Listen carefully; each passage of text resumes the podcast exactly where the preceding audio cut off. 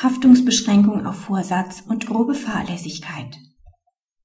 Für Motocrossfahrten im Trainingsbetrieb gelten die für sportliche Kampfspiele und Wettkämpfe entwickelten Haftungsbeschränkungen auf Vorsatz und grobe Fahrlässigkeit.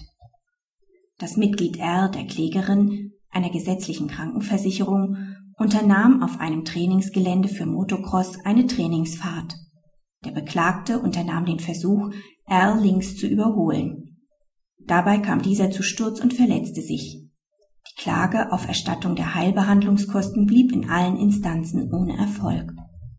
Der BGH bestätigt das Berufungsgericht und bejaht die Haftungsbeschränkung auf Vorsatz und grobe Fahrlässigkeit. Diese kann auch dann greifen, wenn es im Rahmen eines Sicherheitstrainings zu einem Fahrzeugunfall kommt. Auch ist nicht zu beanstanden, dass eine grobe Fahrlässigkeit verneint wurde. Der BGH prüft im Rahmen der Revision nur eingeschränkt, ob der Tatrichter den Begriff der groben Fahrlässigkeit verkannt oder bei der Beurteilung des Verschuldensgrades wesentliche Umstände außer Acht gelassen hat.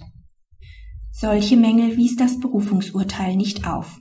Es muss ein objektiv grober Pflichtenverstoß vorliegen, der auch subjektiv schlechthin unentschuldbar ist und das in 276 Absatz 2 BGB bestimmte Maß erheblich überschreitet.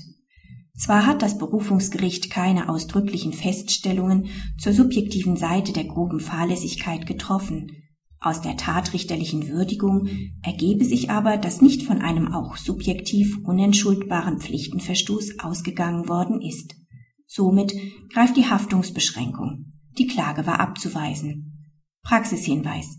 Auch dieses Urteil zeigt auf, dass der BGH den tatrichterlichen Feststellungen große Bedeutung einräumt und hohe Anforderungen an die Bejahung einer groben Fahrlässigkeit stellt